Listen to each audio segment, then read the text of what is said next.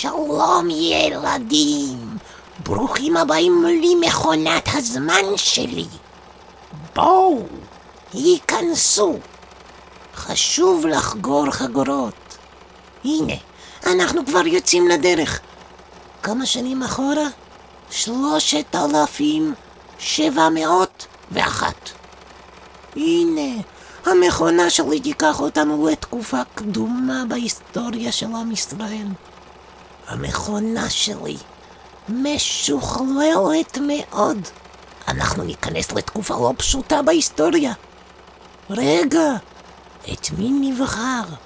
יש לנו כמה אפשרויות לבחירה, דרך מי נפגוש את התקופה.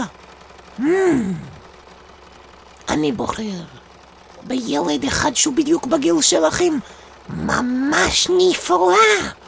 ניכנס דרך העיניים של אבי. ילד בגיל שלכם.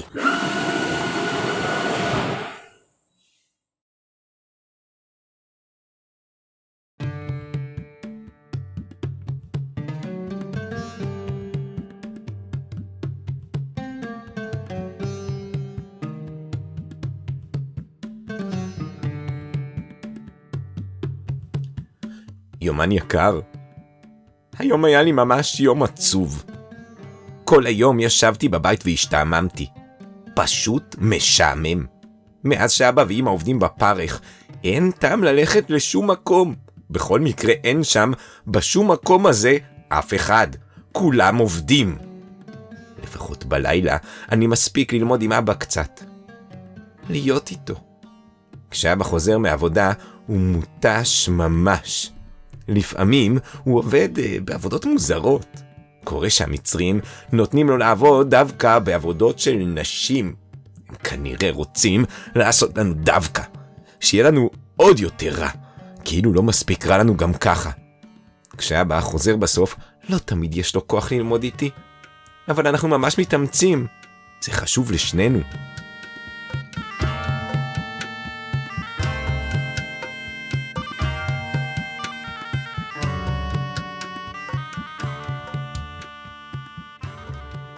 היום חיכיתי לאבא המון זמן. כבר היה מאוחר בלילה כשהוא חזר. כשהגיע, הוא היה נראה מוזר. הייתה לו שריטה גדולה על הפנים, ובכלל, הוא לא נראה טוב. מה קרה, אבא? שאלתי מיד, ורצתי להביא לו כוס מים, ומשהו להניח על החתך. אבא הסביר לי. חיים הזקן היה צריך לסחוב לבנים, לבנים כבדות מאוד. הוא כמעט התמוטט. הלכתי לעזור לו, וזה לא מצא חן בעיני המצרים האלה. חטפתי מהם. קצת. אבל זה היה כדאי בשביל לעזור למישהו, למישהו אחר. אוי, אבא היקר שלי. אבא שלי לא מוותר, הוא חזק. השוטרים המצרים היכו בו ממש עד זוב דם, רשעים. אבל את אבא שלי הם לא הצליחו לשבור. תמיד אכפת לו מאנשים אחרים, אבל בכל זאת, זה קשה. חיפשתי נחמה. מיד רצתי לבית המדרש, לבית הכנסת. ליד בית הכנסת ראיתי את עצי הארז, עצים שנתנו עם סבא יעקב לפני כמה שנים. התעודדתי. העצים הללו הם סימן שהשיעבוד לא יהיה לנצח. עוד נזכה לצאת ממצרים ולשוב לארץ ישראל. בורא עולם אוהב אותנו ודואג לנו.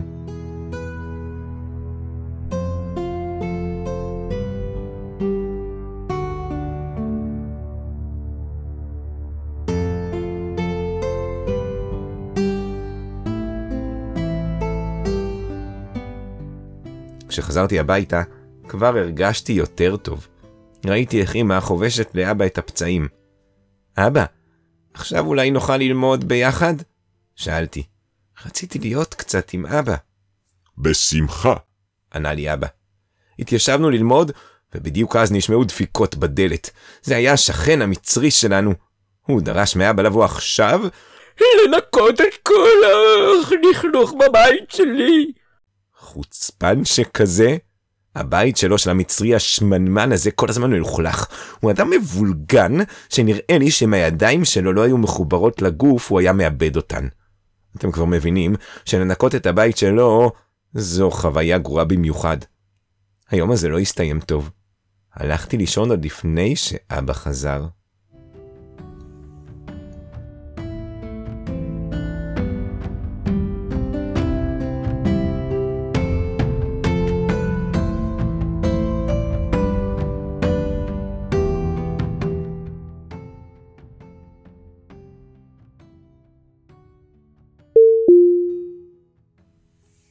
יומן סודי שלי.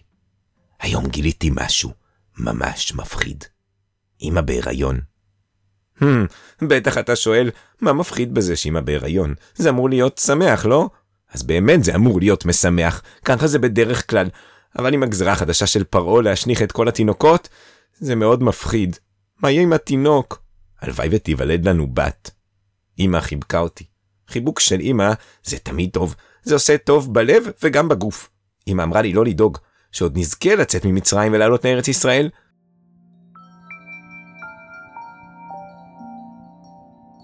זו הארץ שלנו, ארץ זבת חלב ודבש, מקום בו לא נצטרך להקשיב לעמים זרים ולגזרות של כל מיני אנשים, ונוכל פשוט לעשות דברים טובים. כמה אני מחכה לרגע הזה, הלוואי וגם התינוק שלנו יזכה לעלות איתנו. דאגתי והתפללתי. כל פעם שאני דואג אני מתפלל, וגם חוזר לעצי הארז. העצים הללו מזכירים לי שעוד נזכה לצאת מכאן ולעלות לארץ ישראל.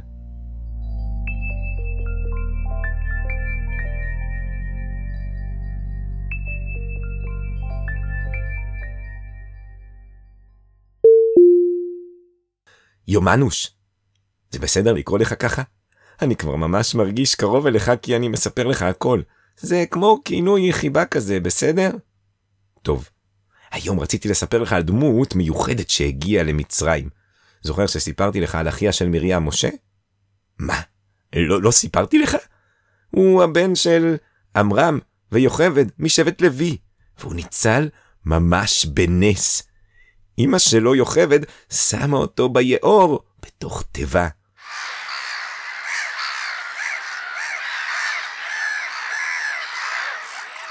זה נשמע לך אולי קצת לא אחראי לשים תינוק בתוך תיבה ביאור, אבל לא הייתה לה ברירה עם כל המצרים שיש בחוץ שמחפשים ובודקים. אז כן, היא הניחה אותו ביאור.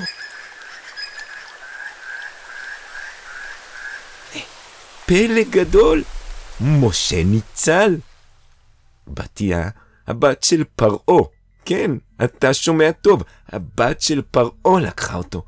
היא רחמה עליו, ולקחה אותו איתה לארמון. תאר לעצמך, תינוק ישראלי גדל בארמון של המלך פרעה, ולא סתם גדל. האמת, הייתי בטוח שהוא יהיה נסיך מפונק. מין כזה, כמו, כמו כל המצרים האלה, מפונקים ורשעים. שבזמן שכולנו עובדים בפרך וסובלים, הוא גדל בארמון ואוכל מעדנים ולא יהיה אכפת לו מכלום. אבל ההפך הוא הנכון. משה גדל להיות אדם עדין ומתחשב. למשל, כשמשה רואה אנשים שלא נוהגים בכבוד אחד לשני, הוא מלמד אותם איך להתנהג. וכשהוא רואה מצרים מציקים ליהודים, הוא מגן עליהם. הוא תמיד דואג לחלשים, ורוצה שלכולם יהיה טוב.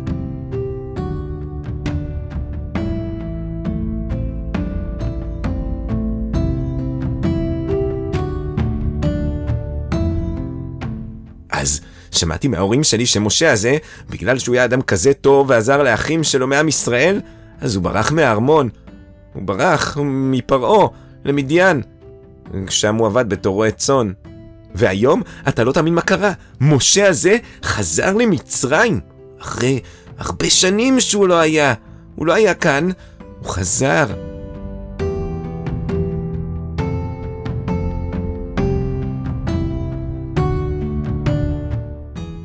חזר עם אח שלו אהרון וסיפר שיש לו בשורה בשבילנו.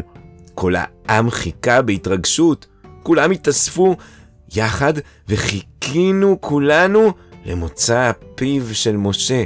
בשורה, זה היה נשמע ממש מיוחד. מעניין מה אדם שהיה מחוץ למצרים כל כך הרבה שנים, שראה מה זה לא להיות עבד, שברח, אבל חזר בסוף, יכול לבשר לנו. משה פתח ואמר. הוא אמר כמה דברים, ואני לא ממש שמעתי.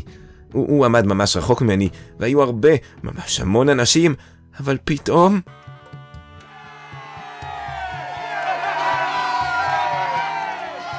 נשים לידי, האישה שלידי פרצה בבכי. אנשים מבוגרים סביבי התחילו לחייך. פתאום שמתי לב שכבר הרבה זמן לא ראיתי חיוך אמיתי, כזה שמגיע לעיניים. אנשים התחילו ללחוש, גאולה! גאולה! הגאולה הגיעה. סוף סוף גאולה. סוף סוף.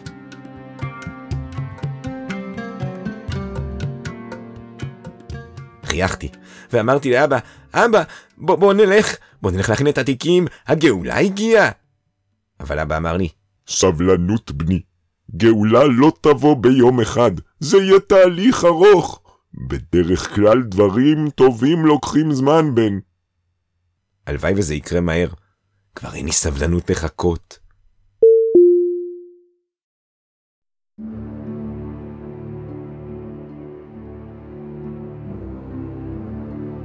יומני היקר מאוד. סוף סוף אני רואה את אבא שוב מחייך. אבא סיפר שהוא ראה את משה ואהרון נכנסים לארמון של פרעה הרשע. איך הם לא מפחדים? שמעתי משמעון, החבר הטוב שלי, שמשה ואהרון נכנסו לארמון פרעה וטענו בפניו שבתור המלך החזק בעולם, עליו לדאוג לעניים, לדאוג לחלשים, ולא להתאכזר עליהם. הם אמרו לפרעה שאלוקים ציווה, אבל פרעה בחוצפה שלו קטע אותם ואמר להם, לא ידעתי את השם, וגם את ישראל לא אשלח.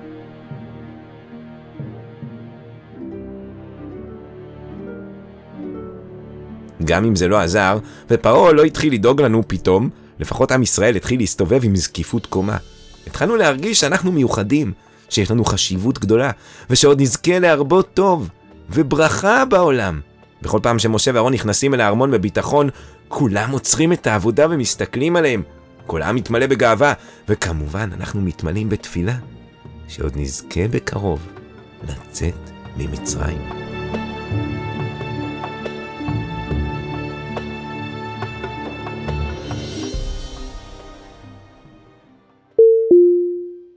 יומן שלי, סוף סוף יש לי זמן ללמוד עם אבא. מאז המכות שבאות על מצרים, פתאום יש לאבא זמן ללמוד איתי. אנחנו כבר לא עובדים בעבודת פרך. היי, לא סיפרתי לך. אתה יודע אבל, על פרעה ועל מצרים באו מכות קשות. אתה לא יודע איזה מכות. דם. כל היאור, היאור שמצרים שותה ממנו הפך לדם. לא היה להם מים לשתות. השכנים שלנו, אלה שכל הזמן התאכזרו אלינו והיו מציקים לנו, עכשיו מתייחסים אלינו פתאום יפה. אתמול אחת השכנות נכנסה ואמרה לאמא, שלום שכנים יקרים, ברוכים הבאים לשכונה, נחמד להכיר אתכם. והשאירה עוגה. הייתם צריכים לראות את הפרצוף שלה, כמו של מלפפון חמוץ. לא היה נראה שהיא באמת שמחה להיות אצלנו. רק רצתה להתחנף. אחרי מכת דם הגיעו צפרדעים.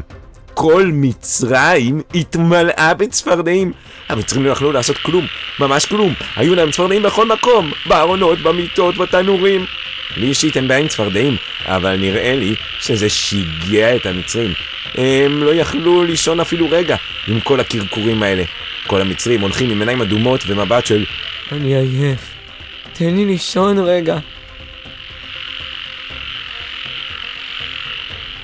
ואתמול? מכה שלישית, הגיעו קינים, המון קינים. שום תרופה שהם ניסו לא עזרה להם, הם התגרדו וקפצו. השכן המצרי שלנו, זה המבולגן הזה, הגיע לאבא להתחנן אליו שיעזור לו. אה, אני מוכן לשלם כמה שתבקש, רק תנקה אותי. ואבא לומד איתי. לומד איתי על תהליך הגאולה ועל המשמעות והחשיבות שיש למי שמקדיש את חייו לעשות טוב בעולם. אני כבר לא כועס על השיעבוד. אני מבין שהשיעבוד עזר לנו להתקדם, להתחזק, להיות טובים יותר. אתמול, אחרי מכת קינים, כבר הייתי בטוח שנצא ממצרים. השכנים שלנו כל כך סבלו, שהייתי בטוח שפרעה יוציא אותנו סוף סוף. וזה עוד לא קרה. עקשן. כנראה שהגאולה תבוא לאט לאט, אבל לפחות עכשיו אני מרגיש שהגאולה כבר ממש בפתח. כן, סוף סוף אני מרגיש שיש קצת צדק בעולם. המצרים נענשים על אכזריותם. על כל השנים, על כל מה שהם עשו לנו. ואני, אני ממש מרגיש שאלוקים אוהב אותנו ודואג לנו.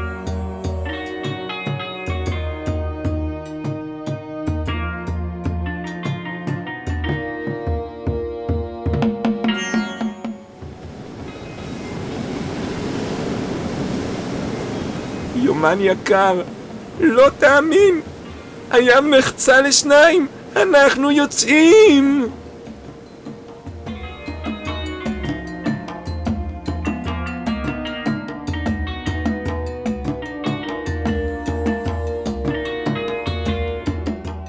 הקלטה ועריכת סאונד אלנתן בראלי ממעשה ונשמע. פודקאסט לילדים שאוהבים סיפורים.